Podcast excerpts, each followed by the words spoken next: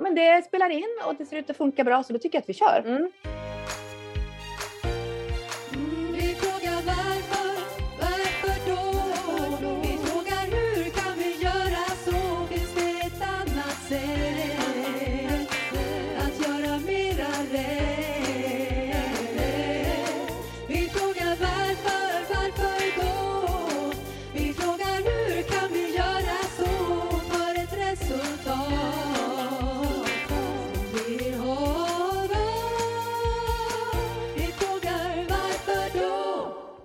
Hej och välkomna till Varför då-podden. Eh, det är jag som är Maria och Johanna som i vanlig ordning har en massa frågor på temat varför vissa saker bara är som det är. Och idag är en stor dag för oss då vi även har en gäst med oss i podden. Vi ska nämligen nörda ner oss i klimatfrågan och har därför bjudit in den eminenta Mattias Goldman. Vi är så glada att du är med oss Mattias och ser fram emot ett intressant samtal. Superroligt att få vara med och eh, helt rätt att nörda ner sig i just denna fråga som ju är vår stora fråga för den här generationen eller för vår tid. Härligt, härligt att höra. Men först så tänkte jag kanske att en liten introduktion kan vara på sin plats för er som då inte känner Mattias. Eh, så du får rätta mig Mattias här nu då, men jag tror att vi har fått det här rätt. Ja. Mattias Gårdman, du har stor erfarenhet av hållbarhetsfrågor och har tidigare jobbat som VD för organisationen 2050 och även som talesperson för gröna bilister.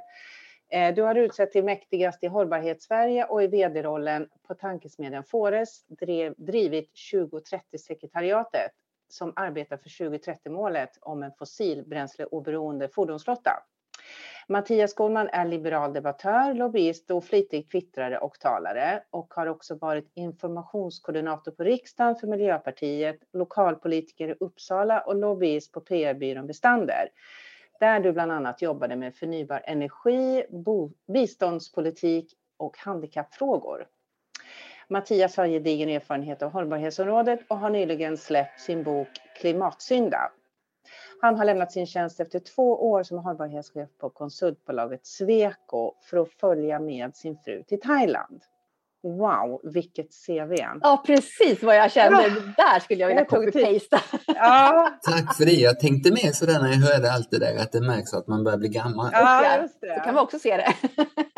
Men i din bok då, som vi hoppas att många av er som lyssnar har läst eller kommer att läsa, då nämner du ju faktiskt att det kostar ett helt års koldioxidbudget för en endaste person att flyga till Thailand.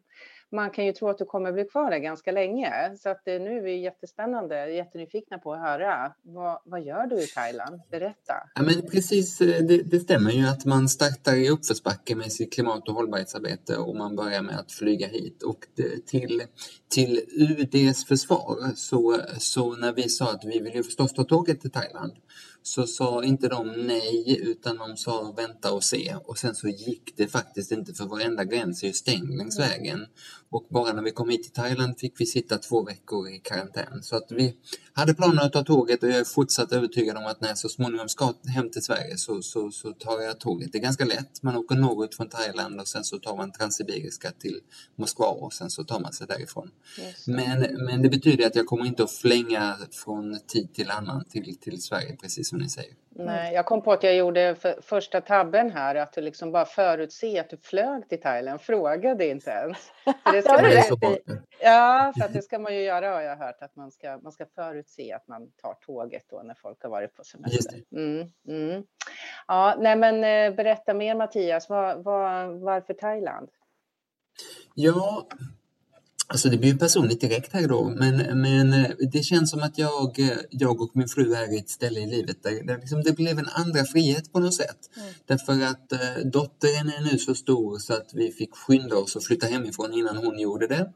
Och våra föräldrar är fortfarande inte alls lastgamla utan, utan liksom pigga och ressugna och man behöver inte vara orolig för deras hälsa. Så då plötsligt har vi, hade vi möjligheten och min fru fick jobb som första sekreterare på ambassaden här.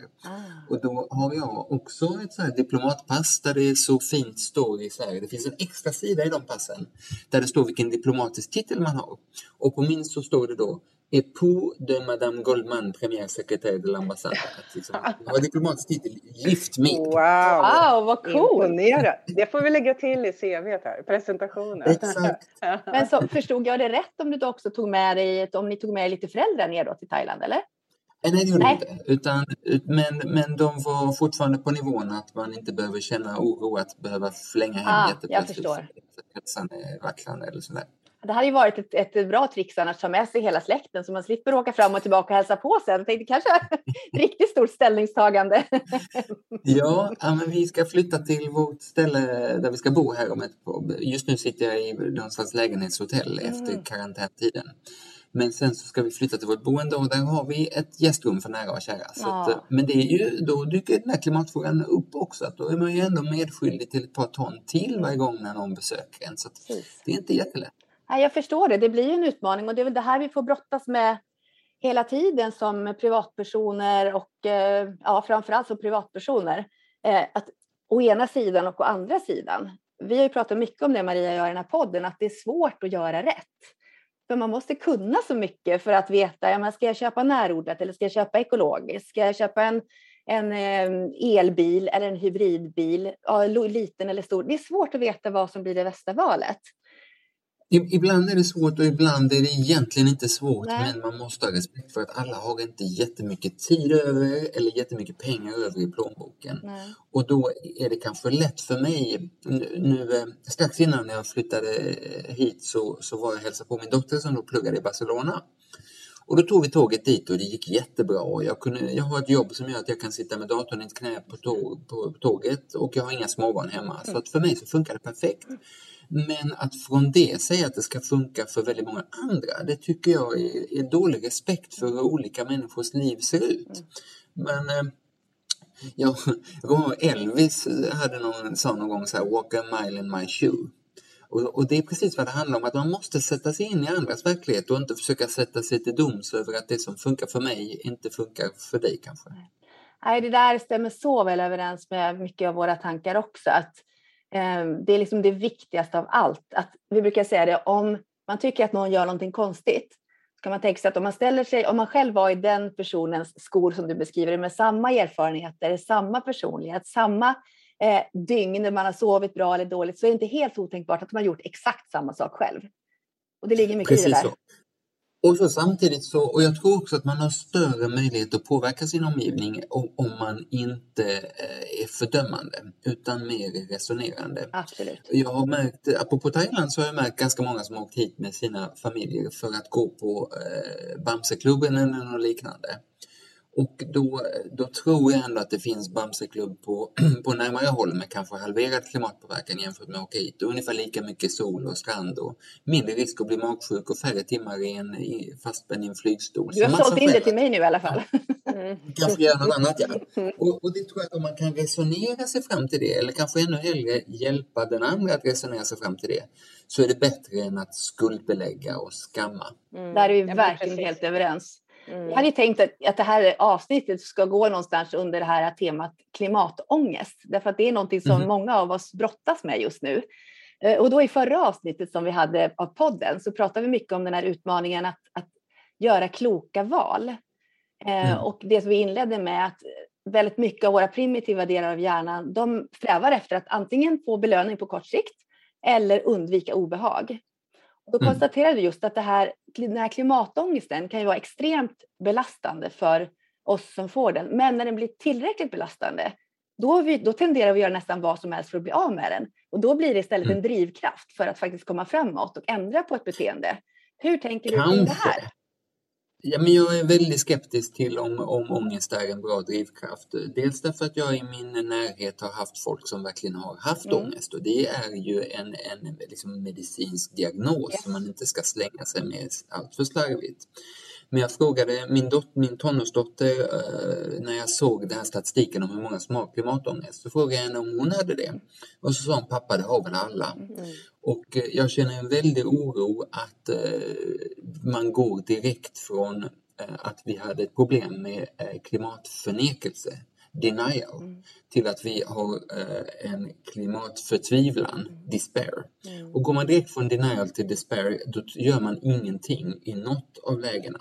I denial behöver man inte för det är inte på riktigt och i despair behöver man inte för att det är ändå ingen idé. Eh, Och eh, forskningen är väldigt tydlig på vad som händer när man får ångest. Då sluter man sig, man bryr sig bara om sina allra närmaste och det handlar om att överleva för stunden. Mm.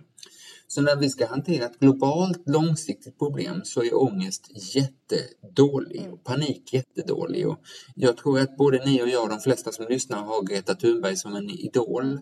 Men när hon säger I want you to panic så är det medicinskt åt helvete fel. Mm, Folk förstår. i panik tar inte långsiktiga altruistiska beslut och förmår inte ens göra sånt som självklart är bra för den egna ekonomin. Till exempel solceller på taket om det har längre belöningstid än någon timme eller några dagar. Exakt.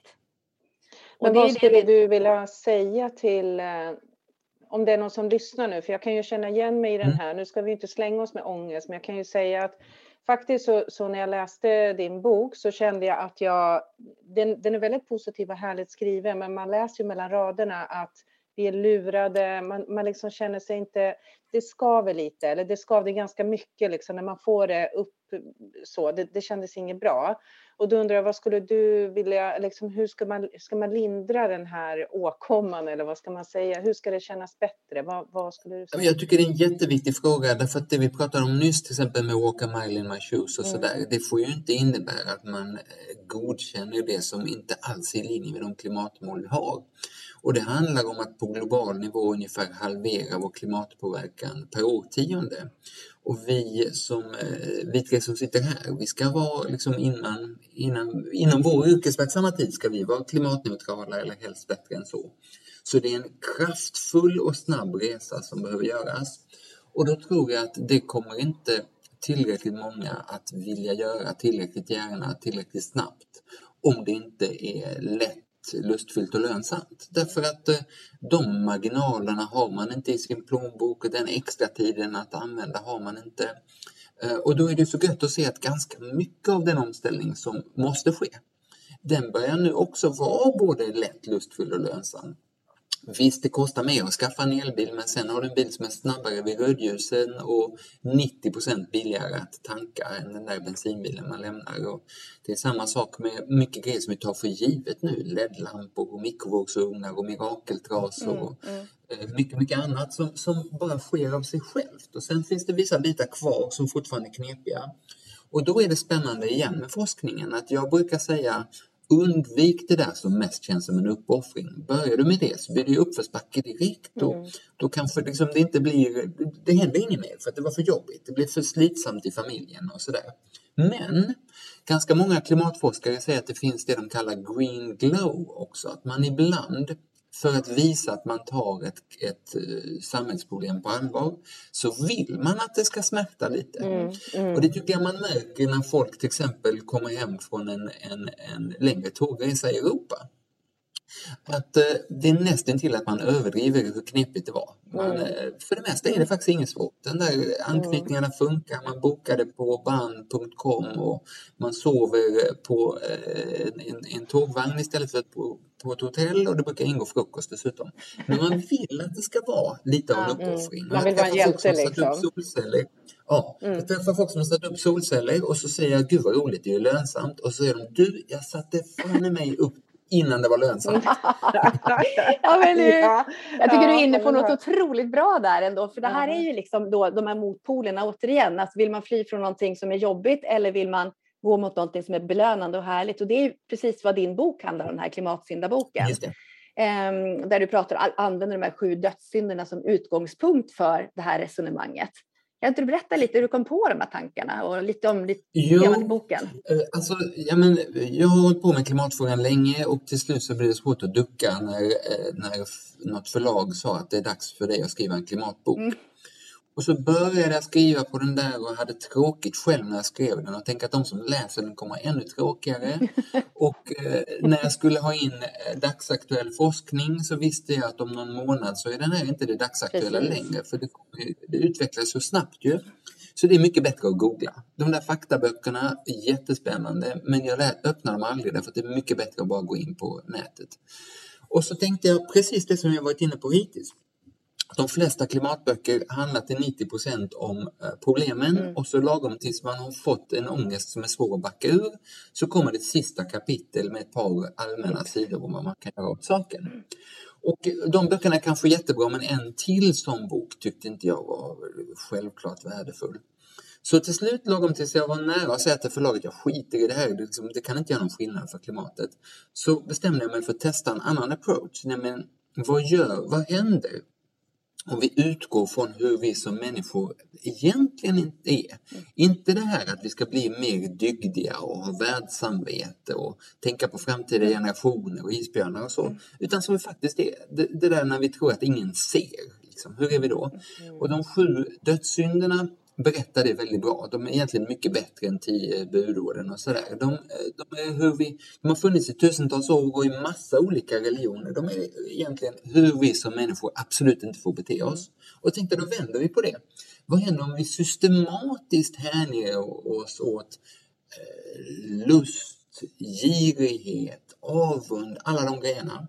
Och det visar sig att om man gör det, ja, men då får vi en väldig fart på klimatarbetet därför att då eh, är det då är det de mänskliga drivkrafterna, de riktiga, som, sätter, som, som gör att vi agerar. Det är ju superspännande för girighet är ju någonting som vi har pratat mycket om Maria, eller hur? Men som att Mm. någonstans när man skalar den här löken, så här, varför då, varför är det så, varför så, så kommer det ju till 105 procent ner till pengar.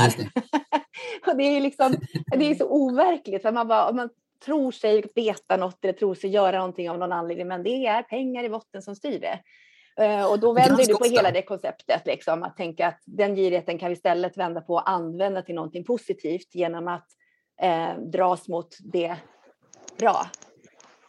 Och ofta är det girighet och, och den där girigheten är, är, som du var inne, som ni var inne på för en liten stund sedan, är också mycket kopplat till förlustaversion. Alltså man vill undvika det som smärtar, kanske ännu mer än man vill ha belöningen. Mm. Och det ser vi nu väldigt tydligt hur, det, hur girigheten hjälper oss därför att eh, många av de riktigt stora eh, riskkapitalisterna, institutionella investerarna, de börjar tänka så här, tänk nu om det här Parisavtalet ens någorlunda är sant.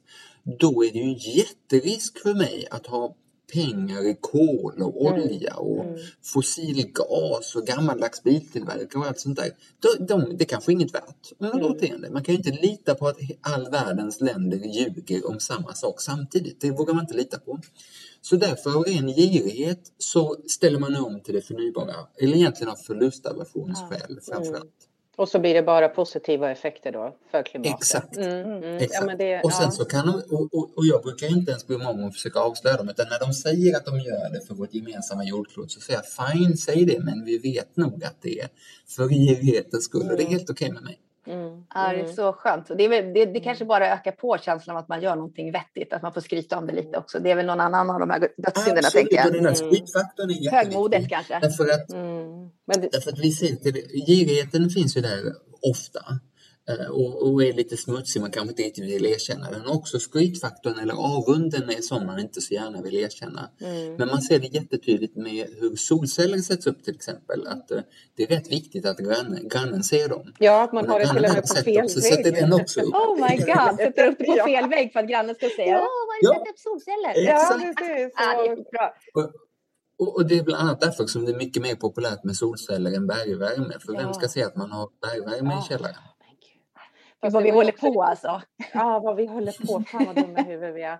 Men det var ju också Ja, det men så med... länge det hjälper klimatfrågan, Ja, så länge det ja. hjälper oss framåt så är det okej. Jo, men nu tar vi ju fram, eh, tar vi fram bra saker som gör ju bra för klimatet. Så att nu är ju alla de här, eller många av de här bra för oss. Det var ju skitbra det där också med Teslan där, liksom att de har ju inte pratat någonting om eh, alltså driften och att det är billigt och så där, utan det är ju bara liksom att den går snabbt och den är snygg och det är design Ja. och Mm. allt det där. Och, och att då de med de värsta klimatbilarna byttes in då och, mot en Tesla. Det var ju Exakt. skitintressant liksom. Ja, det där Maria tycker jag är, är en av de liksom viktigaste lärdomarna Mm. i klimatsyndaboken, eller rent Mm. allmänt för klimatet. Att när Tesla kom, så den vanligaste inbytesbilen var ju liksom inte en Prius eller sådär, utan det var folk som lämnade sin Hummer. Mm. Ja, ja. Det, och det är ju en fantastisk signal när vi fattar hur mycket och stora förändringar som måste ske jättesnabbt. Mm. Att ibland så tar inte folk små steg utan de tar jätteklivet på en gång. Ja, ja, men det, de kittlade ju någonting där. Någon, det, det väckte något Ja. sånt där must have. eh, Det, det var kö, ja, men och de är dyra och, och så där. Så att, eh, Det var ju ja, status naturligtvis. Att Ja. plötsligt, och det är väl det Exakt. som håller på att hända. Att nu plötsligt börjar det bli status att tänka klimatsmart. Och tidigare har det varit lite nördigt och som du beskrev, gud vad de håller på. Men nu är det så här, ja men då vill man också vara med i den klubben, för vi vill ju alltid vara med i en gemenskap. Mm. Och det är klart att nu blir den här grupptillhörigheten att höra till dem som faktiskt gör någonting bra, att det börjar bli status i det. Och det är ju en jätteviktig förflyttning. Det är status i sig och det är också prylarna som förknippas med klimat som har blivit eh, statusmarkörer. Mm. Alltså om man sa elbil för tio år sedan så lyckades de här små elbilarna med konststycket att vara farligare för den som satt i bilen än de utanför. Och de lyckades bullra fast en elmotor är tyst. Och det var pinsamma saker helt enkelt. Mm. Och nu har det blivit något helt annat. Och så är det på ganska mycket av de klimatsmarta lösningar vi ser. att de, det, det är nu rätt sköna saker. Man slipper, för att hålla fast vid elbilarna en stund, man slipper bullret, man slipper växellådan och kopplingen och avgaserna och allt sånt där. Eh, Och, och det gäller kanske ännu tydligare med delningsekonomin. När man, när man inte själv äger någonting utan delar med an- andra så är det mycket lättare att få ihop livspusslet. För att i en bilpool måste man inte ansvara för att besiktiga och skatta och försäkra och tvätta och byta däck och tanka. Det gör någon annan åt en. Mm. Och då blir det också en statusmarkör att delningsekonomin är till för den som har en, en eh, fylld vardag. Mm. Precis, jag tänkte på det här med delningsekonomi, det är väldigt intressant. Jag menar i, i Sverige, om vi tittar på Sverige då, så, så är vi inte så himla bra på att dela saker, utan vi är ju väldigt, väldigt individualistiska och det här är mitt och det här är ditt och det är viktigt vem som har vad och så vidare. Eh, och det är ju också en väldigt stor del i att vi är så otroligt stressade. Att vi, inte att vi lever så långt ifrån varandra, vi kan inte ta hjälp av olika generationer och vi kan inte ta lärdom kanske på samma sätt som man gör i andra generationer och så vidare. Och eh, jag då som jobbar med stress väldigt mycket och eh, utifrån hjärnan då, jag ser ju det här att precis som det du beskrev med ångest, det är ju egentligen väldigt, det är samma reaktion kan man säga, på fysiska reaktioner som händer i kroppen, att eh, energin går till det som är viktigast just nu, det vill säga att överleva. Mm. Och vi har inte förmåga att tänka för vår frontalkortex checkar ut helt enkelt för att skicka energin till hjärtat som ska pumpa istället. Och det är klart att när vi har en befolkning där x antal procent upplever stark stress ofta eller går med den långvariga stressen så blir det ju väldigt svårt för dem att fatta beslut som är långsiktiga och smarta för klimatet.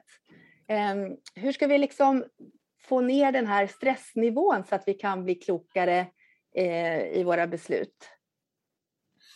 Jag tänker att eh, du är inne på något viktigt där därför att eh, jag är, inte minst nu när jag bor i Thailand, men jag är ändå så glad över att äga så lite saker.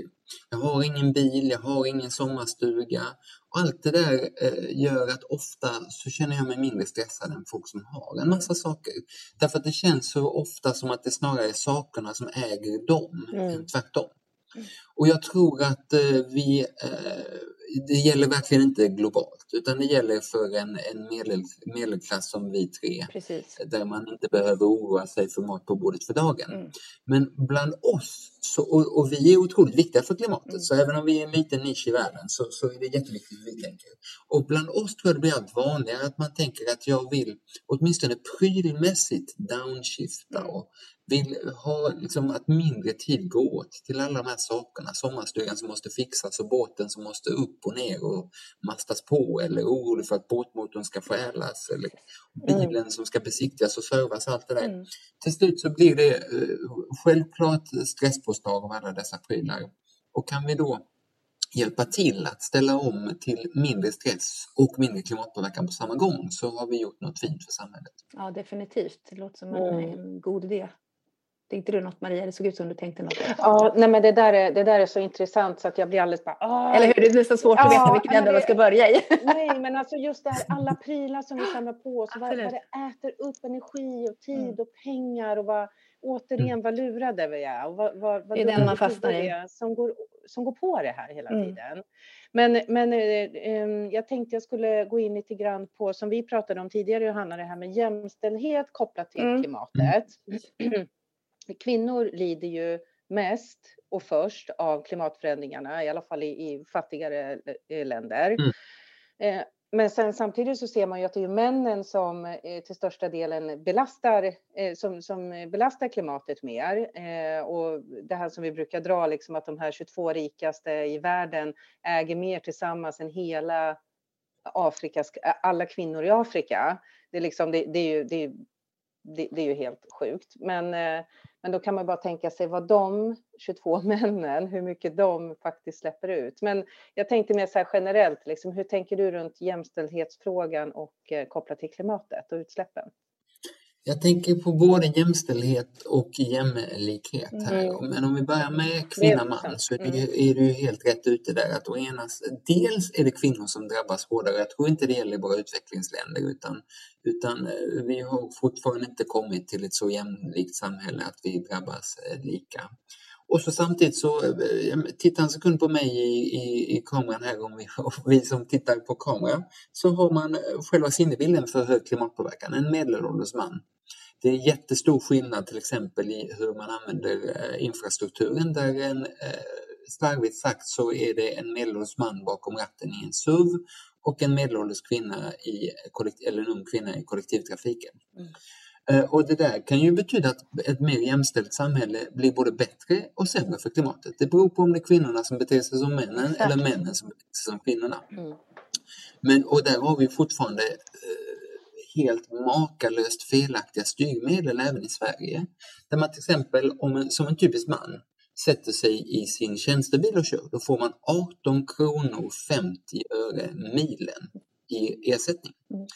Om man eh, som kvinna eller som vem som helst sätter sig på cykeln istället får man noll. Om man jobbar distans, så som vi alla tre sitter och gör just nu, eller inte är inne på kontoret i alla fall, får man också noll. Mm. Det vill säga man mer eller mindre pressas ner i förarstolen på bilen. Och, och, och, och det är klart att den där typen av liksom stimulans för ett gammaldags ohållbart manligt beteende kan vi absolut inte ha. Mm.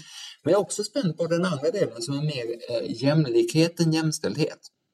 Att vi fick ju nu i Tyskland en dom eh, i Högsta domstolen alldeles nyss som slog fast att det sätt som man nu i Tyskland lever är, är olagligt därför att det är för mycket inkräktar på framtida generationers och redan dagens unga och de som kommer därefter, deras möjligheter att leva likadant.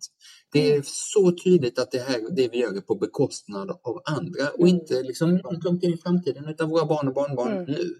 Att det är olagligt i Tyskland och det är ju inte länge innan vi får en liknande dom i en massa andra länder som, som påverkar oss. Och så finns det också förstås eh, jämlikhet eh, inkomstmässigt. Där eh, min pappa och min nu eh, styvmor bor i, bor i Frankrike. Och där, eh, de är ju numera kända för de gula västarna. Och de gula västarna har urartat nu. Alltså det, det, det är ingen hejd på alla dumheter de gör. Men det började med att de sa att vi vill jättegärna vara med och ta klimatansvar men ni kan inte lägga klimatkostnaderna bara på eh, att använda bil på landsbygd för vi har inga alternativ. Börja med att lägga det på flygpriset istället föreslog de. Och vi, jag ser samma eh, tendens i, i Sverige att mycket av eh, det man gör på klimatområdet gynnar innerstadsmedelklass. Mm. Tänk den här eh, elcykelpremien vi hade till exempel. Och, och till slut så får man en, en, en motreaktion som man inte alls hade behövt men som man får om man inte ser till att alla har en chans att vara med i alla fall. Just det. Det är klart att man inte bara för att man bor på landet och inte har råd med en ny bil är emot klimatpolitik. Absolut inte. Men man är emot det när man ser att det bara gynnar Mm. Södermalms hipsters som Mm. en själv. Mm. Och där får man vara väldigt försiktig i det man föreslår, det man röstar på, det man gillar. Mm. Så att det inte blir att de som redan har det rätt gött i samhället gagnas av den gröna omställningen. Nej, för det kan man ju förstå verkligen om man går in och petar. Vi pratade om det innan jag och Maria när vi satt eh, och förberedde podden. Att, eh, ja, men varför, man vill ju inte göra för mycket förbud och så, men det är klart att man vill att vi ska förändra oss därför att vi vill det. Och samtidigt så kan man ju känna ibland, men varför förbjuder man inte bara att resa flyg på semesterresor? Man får inte åka, man får bara flyga jobbet, punkt liksom. Men då är ju det att det är de här som är störst makt, mest pengar som drabbas hårdast. Tror du att det är skälet eller varför gör man inte bara en sån grej? Bara stopp, nu räcker det. Som, som, lite om, ursäkta, jag ska bara, som till exempel i covid eh, som har varit nu. Där har vi haft massor med krisplaner. Man går in och säger gör si, gör så. Kanske inte så mycket i Sverige då, som i andra länder. Men ändå. Varför har vi inte en sån covid-krisplan liksom för klimatet. Man säger Men, ja, men du, du har rätt att covid är liksom vår tids största akuta kortvariga kris. Inte så kortvarig som vi hoppades, men, men ändå. Medan klimatet är det vi måste lösa för att det ska finnas en rimlig framtid på detta klot. Mm. Och då kan man tänka sig att det skulle vara rimligt att gå ungefär lika hårt fram här i alla fall. Det har ju andra länder gjort. Mm. Frankrike till exempel, eh, när de behövde rädda Air France så sa de Air France, ni är nu totalförbjudna att flyga på sträckor där det tar mindre än två och en halv Mm, timme det. med, med Mm. tåget. Mm. Och i Sverige så var det dina och mina skattepengar som gick till att rädda SAS Mm, utan den typen av krav. Så det Mm. förvånar mig faktiskt. Mm. Och sen har man också en bild sådär att näringslivet skulle vara jättemycket emot förbud. Det är de ofta inte. Utan ett förbud är ju supertydligt. Det här är tillåtet, det här är otillåtet. De som till exempel drev på förbud mot eh, den gammaldags glödlampan, Mm. det var de som tillverkade LED-lampor, Philips och Ja, ja. andra. Och som, liksom, så länge det inte var förbjudet så kom man aldrig upp i volym och då blev de för dyra och det blev inte någon teknikutveckling heller för marknaden var för liten. Och när väl förbudet kom så kostar de nu bara ett par tior Ja. och ljuset är äntligen okej. liksom. Nej, för det är där Men man känner att man skulle få lite hjälp som privatperson, liten individ i den här stora, den här stora jorden att fatta de här besluten genom att plocka bort lite alternativ. För att det är ju hela tiden, så länge man har de här valmöjligheterna så blir det någonstans upp till mig och min beslutsförmåga, min energi jag har, min hjärna som funkar. Det är massor med saker som påverkar att jag ska då fatta de här besluten. Finns inte möjligheten, då är det bara att tugga i sig den hårda verkligheten. Så här funkar det. Men, och, jag, och, och jag eh, vill skicka en, ett varningens ord till mina, mina miljö och klimatkompisar här som pratar mycket om nudging. Mm. Nudging är fint, men nudging är ju det man tar till när man inte har något annat. Mm. Alltså det är ju jättemycket bättre att i första hand förbjuda det som är dåligt. Mm. Andra hand göra det rejält jäkla dyrt att göra det som är Mm, dåligt. precis. Och lyckas man inte med det då kan man väl åtminstone nudga. Men ibland är det som att nudging är det nya finaste. Det är ju det sämsta. Det är mycket Mm. bättre att se till att det dåliga inte ens finns. precis. Men hur, vad, skulle man, vad skulle man kunna göra för en akutplan eller en, en långsiktig akutplan för klimatet? alltså jag tänker på flyg, kött. Ska man, ha, Mm. ska man subventionera eh, kött? Eh, eller förlåt, tvärtom. Ska man eh, liksom ha ransonera eh, liksom alla de här? Eller vad, vad ska man göra för att få folk att fatta? För man tittar omkring sig, ingen gör någonting. All, allting ser ut precis som det gjorde igår. Förstår jag menar? Vad, vad ska vi göra liksom för att folk ska ta det här steget? Jag tror, jag tror att prislappen som vi var inne på Mm. för en stund sedan är, är, är väldigt viktig. Mm. Och eh, jag förstår folk som inte riktigt tror att politiken menar allvar om det är Verkligen. billigare att ta flyget Stockholm-Göteborg än att ta tåget Stockholm-Göteborg. Så kan man inte ha det. Eh, Och då eh, skulle jag vilja, så som vi var inne på nyss, göra ett förbud alla fransk modell om för åtminstone de korta inrikesresorna. Mm. Och innan dess så kan man ju var och en gå till sin arbetsgivare så som vi gjorde när jag var hållbarhetschef på Sweco och sa att på det här jobbet så flyger vi inte Nej. inrikes. Det, är för dumt. Mm. Och, och det betyder inte att alla satt och åkte tåg i Luleå, Malmö utan oftast så gjorde man inte det heller utan man gjorde som vi gjorde nu Precis. eh, och kopplade upp sig bara. Mm. Eh, Och det, och jag vill egentligen börja i den ändan. Inte börja med att klampa allt för mycket in i människors frihet att organisera sin semester och liknande. Nej. Så jag är hellre väldigt hård mot flyg på arbetstid än vad jag är mot flyg Ja. på, på fritid. Mm. För att inte bädda för, för, um, för att inte bädda för gula västar. Motreaktioner liksom, Mm. som blir så starka att det blir tvärtom istället. Ändå det, är det jag måste ändå fråga.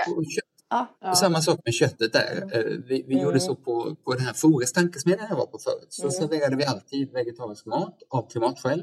Men det var också supermycket enklare därför att då blir det mycket färre olika varianter. Annars är det någon som måste ha vegetariskt, någon som måste ha veganskt och Mm. så vidare. Om vi serverar vegetariskt för alla så blir det mycket enklare. Mm. Mm. Men så hade vi också en ruta där, där man kunde kryssa i. Om du absolut behöver kött så löser Mm. vi det Ja, just det. Bra. Ingen liksom. kryssade någonsin i det. Nej. Därför att Nej. ingen behöver det. nej. Men, men den möjligheten ska finnas. Vi ska inte tvinga folk in i en folla som är liksom grön och hållbar om man absolut har egna behov som inte du och jag förstår. Jag bara kände när du beskrev det här med, med eh, ja, som vi pratar om nu, alltså att, eh, att höja priserna på det som eh, inte är så bra och så Mm. vidare. Då kommer liksom min varför då fråga. Varför gör vi inte det då? Varför ser det inte ut så? Var, varför? Jag tycker att det ändå eh, är, på väg åt, åt eh, det hållet eh, där vi ju har i Sverige världens högsta koldioxidskatt. Dock inte för flyget fullt ut. Flyget är liksom en fredad zon, men flyget är trots allt Flyget är allvarligt men det är ändå 4 av vår samlade klimatpåverkan så, att, så att vi ska inte fastna allt för mycket bara i flyget. Vi ser också att det nu satsas mycket mer pengar på järnväg än på väg och vi ser hur äntligen byggs tunnelbanor och cykelbanor eh, ut, inte bara i Stockholm utan runt om i landet. Vi ser att antalet naturreservat är långt fler än förut. Och, eh, så på, på, bit efter bit tycker jag att vi är på väg åt rätt håll. Så min oro är inte att, att vi inte är på väg åt rätt håll utan att det är en kamp mot klockan. Exakt, det måste gå snabbare. Tycker, måste gå snabbare och, och, och jag tror att också vi som, som vi är konsumenter varje dag och vi är faktiskt också väljare varje dag. Man tror man väljer en gång vart fjärde år. Men, man kan, men politiker, som jag själv var en gång i tiden, är väldigt känsliga för väljare som hör av sig under tiden också. Mm. Så inte bara att det måste gå snabbare utan vi måste också säga att det där var ju mest symbol med att uh, ha en skatt på plastpåsar eller att förbjuda sugrör. Båda de grejerna är bra, jag har inget emot dem. Men man måste förstå att det, liksom, det, är, inte, det är inte där vi har Nej. de stora problemen och de viktiga lösningarna. Mm, mm. Nej, men precis. Man kan ju påverka politiker, men man kan ju även påverka omgivningen, som du säger, arbetsplatser runt omkring. För Ja. allt, allting man gör och berättar om det i en positiv andemening eller hjälte eller vad man nu, hur man nu vill framställa det, så är det ju bra liksom faktiskt. Ja, Men vi är alla influencers i, Mm. i vår kontext. Det kan vara hemma vid köksbordet, det kan Mm. vara vid fikabordet på jobbet, det kan vara på kursen på universitetet eller det kan vara i en kontakt med en politiker som inte har blivit kontaktad på länge av en vanlig väljare. Mm. Mm. Eh, Så det tycker jag är liksom en väldigt viktig signal att ta den möjligheten på allvar. Och det man ska börja med då är, tycker jag, att vara ett, eh, man ska vara den förebild man, man vill att vi alla ska kunna vara inom, inom de rimliga gränserna. Det ser helt annorlunda ut för en stressad ensamstående tvåbarnsmamma än Ja. vad det gör för mig. Ja. Eh, Men man märker så snabbt att om man inte själv försöker så gott man kan så har man heller ingen möjlighet att påverka andra. Mm. Om du skulle Apropå- skicka... nu kommer vi dit, nu pratar vi i mun på varandra. Ja, det lovade ni att ni skulle göra. Ja, vi avbryter. Du eller jag, Maria, vad säger du? Ja, Kör men då du? kör jag, för nu är, jag- nu är jag inne på politik här och det är ju råkänsligt och särskilt i det här landet får man Mm. inte prata politik. Men det är ju faktiskt val om ett år Mm. eh, och i Sverige och då tänkte jag fråga dig, inte vad du ska rösta på, men vilket parti Ja, är det Miljöpartiet som, står, som har den bästa klimatpolitiken eller hur, hur ser det ut? För, för, Alltså jag delar, jag delar, Miljöpartiet har jag haft en bakgrund i och Mm. folkvald för dem och jobbade på riksdagen åt dem. Men jag delar ändå Greta Thunbergs bild att jag ser inget av partierna som levererar en klimatpolitik i närheten av de mål vi satt. Men det jag också ser, som ändå gör mig glad, är att vi har ju åtta partier i riksdagen och jag tror inte det är någon stor hemlighet att jag gillar Sverigedemokraterna mindre än de andra. Mm. Och de andra sju partierna, från Vänsterpartiet till Moderaterna, har faktiskt enats om samma klimatmål. Mm. Det röstades i riksdagen och det blev 299 röster för och Sverigedemokraternas 50 röster emot när vi tog målen att Sverige ska vara klimatneutralt 2045 och att vi redan 2030 ska ha en fossilfri fordonsflotta, transportsektor. mm, Och det där, ni vet, det har varit otroligt mycket turer i politiken, det har varit misstroende och det har varit eh, hot om nyval och allt sånt där. Men under alla dessa gånger så har alla de här sju partierna hållit fast vid klimatmålen. Ja. Och jag litar på ketchup-effekten där, att än så länge är det ingen som levererar en politik som fullt ut ger oss de här klimatmålen. Men att sju partier ändå står fast vid det är en otrolig trygghet för oss. Därför att om ni hade haft en podd som istället hade handlat om skola eller försvar eller nästan vad som helst så hade man behövt säga men det beror ju på vem som vinner nästa val eller hur det. går förklar, med misstroendeförklaring mot statsministern om ett par veckor. Men just på klimat så spelar det ingen roll därför att sju partier är överens. Och det gör att när man själv funderar på att lägga 50 000 på, på solceller på taket eller man som industriledare funderar på att lägga 50 miljoner på, på eh, omställning till biogas eller vad det nu kan vara. Så vet man när man går till banken och säger jag vill låna pengar så vet man att man har sju partier av åtta möjliga med sig. Och det är unikt bra och det gör att jag som ex-politiker hyllar politiker från alla de här sju partierna och säger när det verkligen gäller så skärper ni er och Mm. nu måste ni bara leverera en plan Mm, också mm. för att vi ska nå dit. Men om du fick önska från politiskt håll nu, att man tittar då på subventioner eller förbud, en grej som du tycker att de bara, åh det här, det här borde ju vara till. Vad skulle du önska då? Jag skulle eh, från politiken, vi, när vi tog klimatlagen i Sverige så är den baserad väldigt mycket på Climate Act i Storbritannien. Eh, men en sak hängde inte med när vi gjorde det i Sverige och det var att i Storbritannien så måste alla olika departement, alltså de som håller på med vägbygge, de som håller på med sjukvård, de som håller på med utbildning och allting, de får var sin klimatbudget. Mm. Och räcker inte den till så måste de förhandla med de andra departementen. Ah, Säger man att vi behöver lite mer asfalt här, ja då får man dra ner på klimatpåverkan från försvaret och så vidare. Och i Sverige har vi ju inte någon klimatbudget. Nej. Och det tror jag egentligen är nödvändigt för att fatta om vi är i linje med målen eller inte. Och det skulle styra så otroligt mycket annat. Så att om man börjar där så, så liksom kommer vi långt. mm, ja, men det låter ju som en jätte, jättebra idé. Vet du, vi har tappat Maria här nu. Jag vet inte om du ser det, men hon är försvunnen ur våra... Vi sitter ju på Zoom här till alla Då kan lyssnare. vi inte prata i. Nej, hon är någon annanstans. Vi får se, hon kanske hoppade av den här podden och började göra något annat, någon roligare Exakt, podd. Hon var lite deppig här ett tag. Nej, men det, det är ingen fara. Hon kommer tillbaka så småningom. Nej, men en klimatbudget. Och jag menar, själv när jag tänker på budgetar, då tänker jag ofta att det inte är så bra därför att eh, om det inte ryms inom den här budgeten eller man blir så himla trångsynt. Man skulle behöva titta på ett Mm. mer holistiskt sätt på helheten istället för att det blir de här stuprören. Och det är väl då det risken som jag ser om man skulle ha en klimatbudget. Ja, men nu har vi lyckats inom klimatbudgeten så är vi nöjda där. Vi nådde, budget, Mm. eh, nådde budgetmålen. Eh, och eh, jag tror generellt sett i vårt samhälle att vi skulle behöva jobba mer med systemet. Alltså Mm. att vi hänger ihop, allting hänger ihop och det är inte bara de här som ska göra det och de som, utan jag som individ hänger ihop med grupper som hänger ihop med samhället som hänger ihop med världen. Och frågorna hänger ihop på ett sätt som vi inte riktigt har, som jag inte riktigt har förmått lyfta här under, under samtalet. För du har ju helt rätt att eh, klim, klimat är inte vår enda utmaning. Vi har identifierat som de här Sustainable Development Goals 17 globala hållbarhetsutmaningar. Och bara inom klimatfrågan är det både tyvärr att minska vår klimatpåverkan och eftersom vi så länge gjort så lite eh, anpassa oss till ett förändrat klimat. Och redan där ser jag ofta att, man, att det inte hänger ihop. Utan till exempel om man är i Stockholm och passerar Slussen Mm. Så är det ju dels ett trafikbygge men det är också att man vill skydda Mälaren som är dricksvattentäkt Mm. från det. Och det gör man genom att vräka på med betong. Ah. Och att vräka på med betong är ungefär det sämsta man kan göra för klimatet. Mm. Så för att skydda oss från klimatförändringarna så orsakar man mer klimatförändringar. Och det är klart att det håller inte alls. Vi kan inte tänka sådär stuprörigt. Det har Nej. du alldeles rätt i. Nej, jag tror att det är ett stort problem och jag vet inte hur man ska komma till rätta med det heller för att vi sitter, ju så vi har byggt upp vårt samhälle och någonstans så, så är det väl där man hamnar att nu har vi tagit oss hit och vi har inte haft människan och planeten i fokus utan vi har skapat ett samhälle med människor. Vi har, skapat, vi har inte skapat ett samhälle för människor. Idag behöver vi vända på den här steken och börja skapa en, ett samhälle för människor och för vår planet och inte bara ha det som en, någonting som finns där. Ja, för det är jättekonstigt att det ibland känns som att det skapas för något helt annat och vad det där helt andra är, det förstår man inte. Det är som att det kanske är liksom tillväxt som är egenvärde, men det är ju tillväxten är ju till för att eh, skapa någonting, eller välfärden är till för att skapa någonting för oss alla.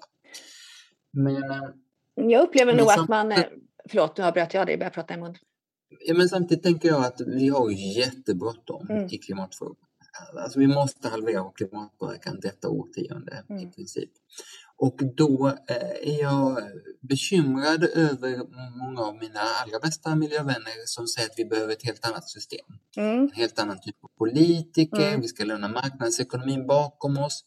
Och, och, och vi kanske rent av tycker några att vi ska ha en slags grön eh, global diktator. Ja, Och utan att alls värdera de tankarna så bara konstatera att det hinner vi inte nej. på den tid vi har på oss. Vi måste klara detta med ungefär de företagsledare vi har, Mm. med ungefär den marknadsekonomi vi har och med i huvudsak de folkvalda vi har. Mm. Vill man ha helt annat så har man inte fattat hur bråttom vi har. Nej, du har helt rätt i det. Det är väldigt lätt att fastna i det, att det är systemets fel. Men, men det Ja. spelar ingen roll. Det kanske det är, men det är inte det vi kan förlita oss på att förändra det, utan vi bör börja på en annan punkt för att komma till rätta med det här. Exakt. Ska jag släppa in Maria här igen och se om hon vill vara med på när vi rundar av Just det det, här. hon kanske var ute och hämtade inspiration. Ja, det kanske var så. Vi får se nu vad hon har med sig in här. när hon kommer. Exakt. Det är det som är så spännande när man sitter som du sitter, vi sitter på länk med dig i Thailand. Menar, man vet ju inte alls vad som händer.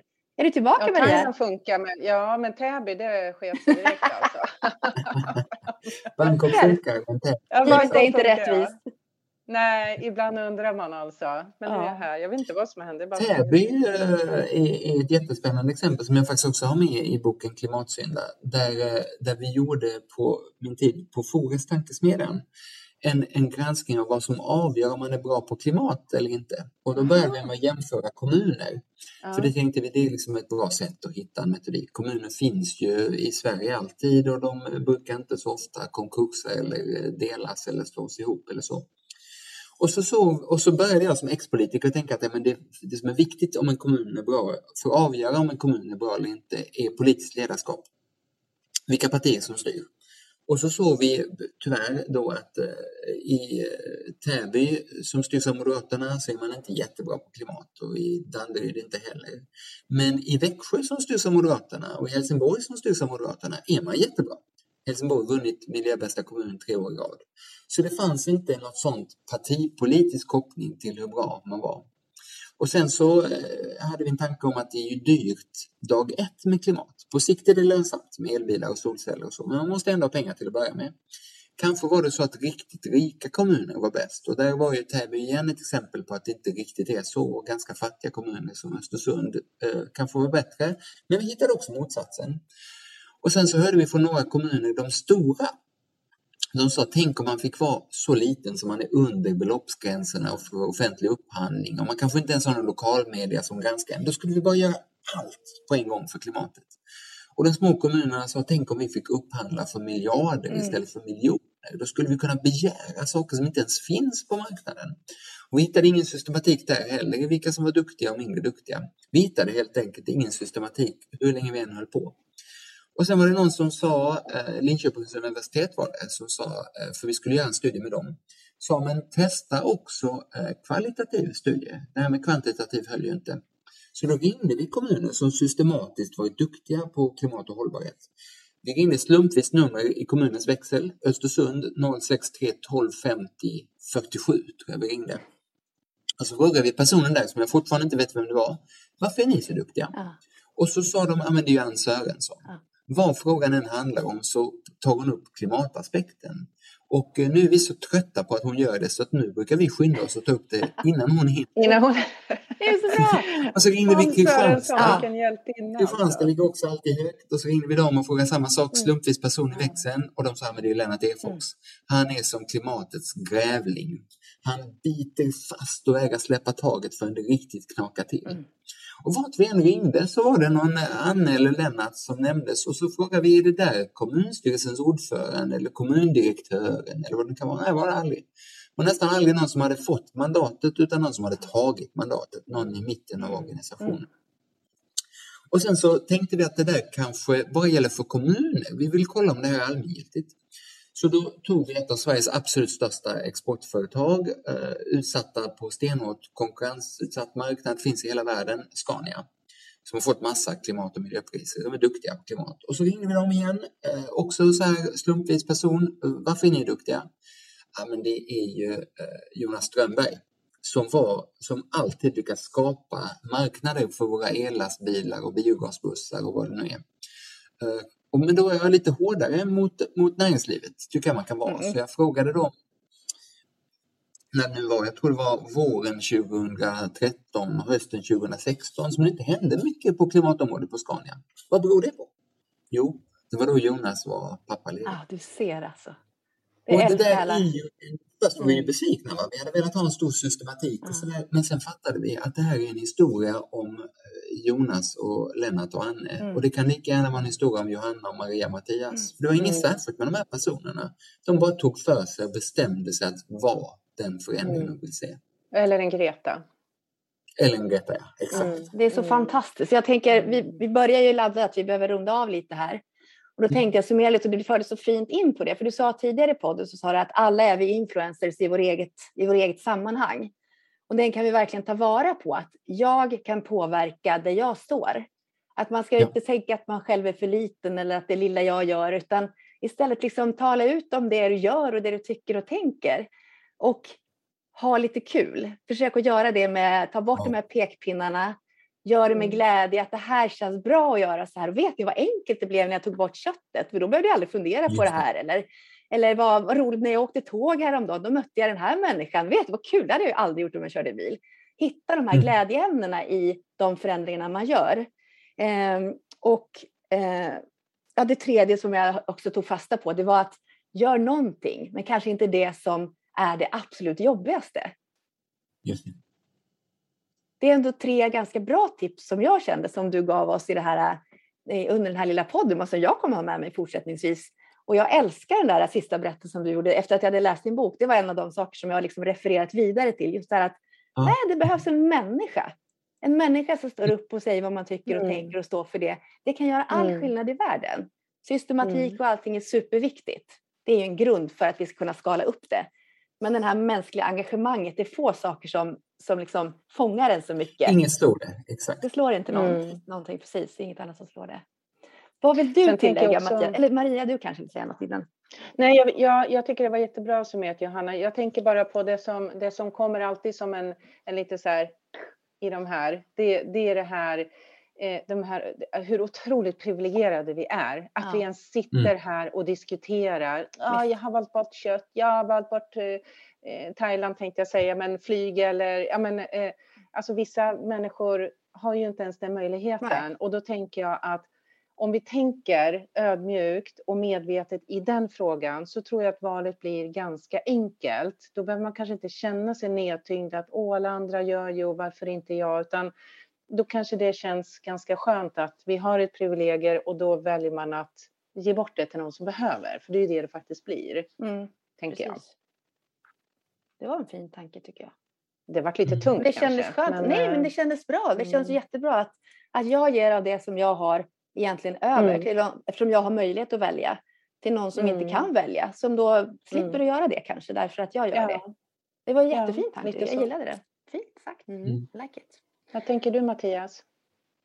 Men Jag eh, är så eh, dels glad att man eh, kan ha ett sånt här samtal. Det, det är ju inte... För några år sedan hade det varit otänkbart tror jag. Ja. Mm. Utan det, har liksom, det finns ett ökat intresse för att eh, själv bidra till klimatfrågan men också ställa de här hårda frågorna. Vad är det egentligen som gör skillnad? Mm. Mm. Och jag tänker också att det är väldigt häftigt faktiskt i det perspektivet att vara svensk. Mm. Därför att när de här sju partierna tog klimatlagen så började de ju med ett resonemang så här, men hur stor del av världens samlade klimatpåverkan står Sverige för? Mm. Så kom man fram till 0,15 procent eller 0,3 procent om man räknar med vår konsumtion av saker som görs i andra länder. Och då hade man ju kunnat tänka sig att de här politikerna skulle säga, men då är det ju inte så noga vad vi gör. Nej. Men istället bestämde de sig för att säga, men då är det extra noga vad vi gör. Därför att Mm. eh, det är ju bara som förebild för andra vi verkligen kan göra skillnad då. Mm. Och det är därför Sverige ska bli världens första fossilfria välfärdsnation och det är därför de klimatmålen vi tog var världens tuffaste. Och det är därför som Fossilfritt Sverige brukar säga som vi ska vara den permanenta världsutställningen på klimatsmarta lösningar. Och det där ger ju oss också eh, alla en roll därför att när hela världen ska titta på Sverige så eh, behöver man ju titta på olika ställen. Och då till exempel har jag märkt att hela världens eh, butiker, livsmedelsbutiker, tittar på Lidl Visby som är världens första klimatpositiva eh, butik. Mm. Och eh, när Per Bolund och jag invigde Huddinge kyrkas eh, satsning på att vara världens första klimatpositiva kyrka. De flesta kyrkor tar fortfarande sin kraft från underjorden, vilket är helt knäppt just för kyrkor. Men de här Huddinge ska då, ta från, från, från ovan som sig bör. Så sa. Huddinge kyrka, så sa Huddinge kyrka väldigt tydligt att det här är till för att vi ska vara en förebild för världens kyrkor. Och jag som Hammarbyare, det, det är lite knepigare för mig, för jag som Hammarbyare måste erkänna att MFF, Malmö FF som nu är ute och spelar i Champions League, de har tydligast sagt att när eh, all världens fotbollsklubbar ska titta på Sverige, ja men då är det MFF de ska titta hur vi får ihop de olika hållbarhetsdimensionerna. Men på de flesta av de här områdena så är det fortfarande ingen som har klivit fram. Vilket är det här dagiset som hela världen ska titta på? Parkeringsbolaget, begravningsfirman, Mm. floristen, konsultfirman. Alla de där är lediga.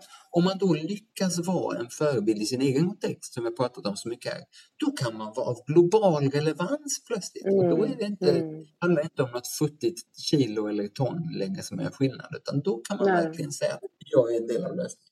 Mm. Nu blev jag Mm. jättepeff. Jag håller på och sätter upp en företagshälsovård precis i dagarna här.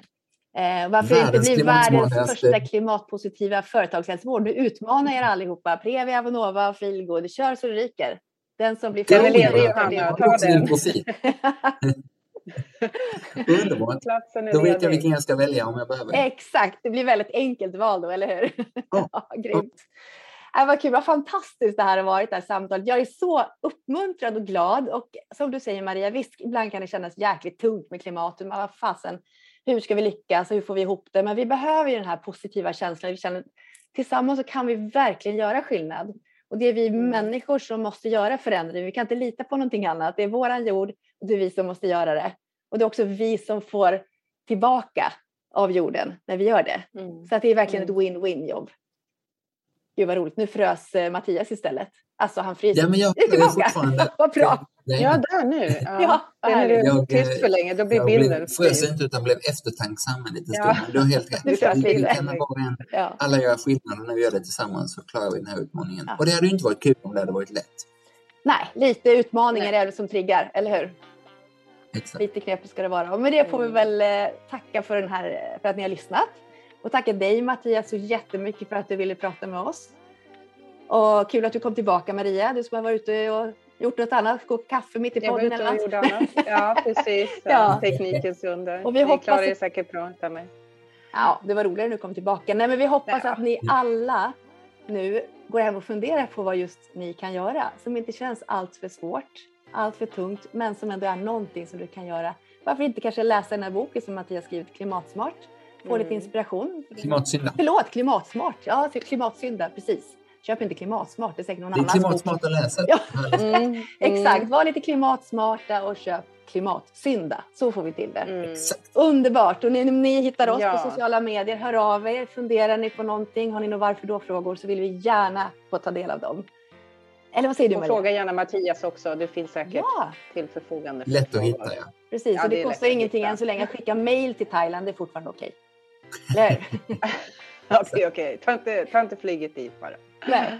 Tusen tack! ha det Tusen så bra tack, till nästa gång. Vi hörs och Ha det ses. gott nu. Tack för denna fina podd. Tack, tack. Ha det Hej då. bra. Hej då.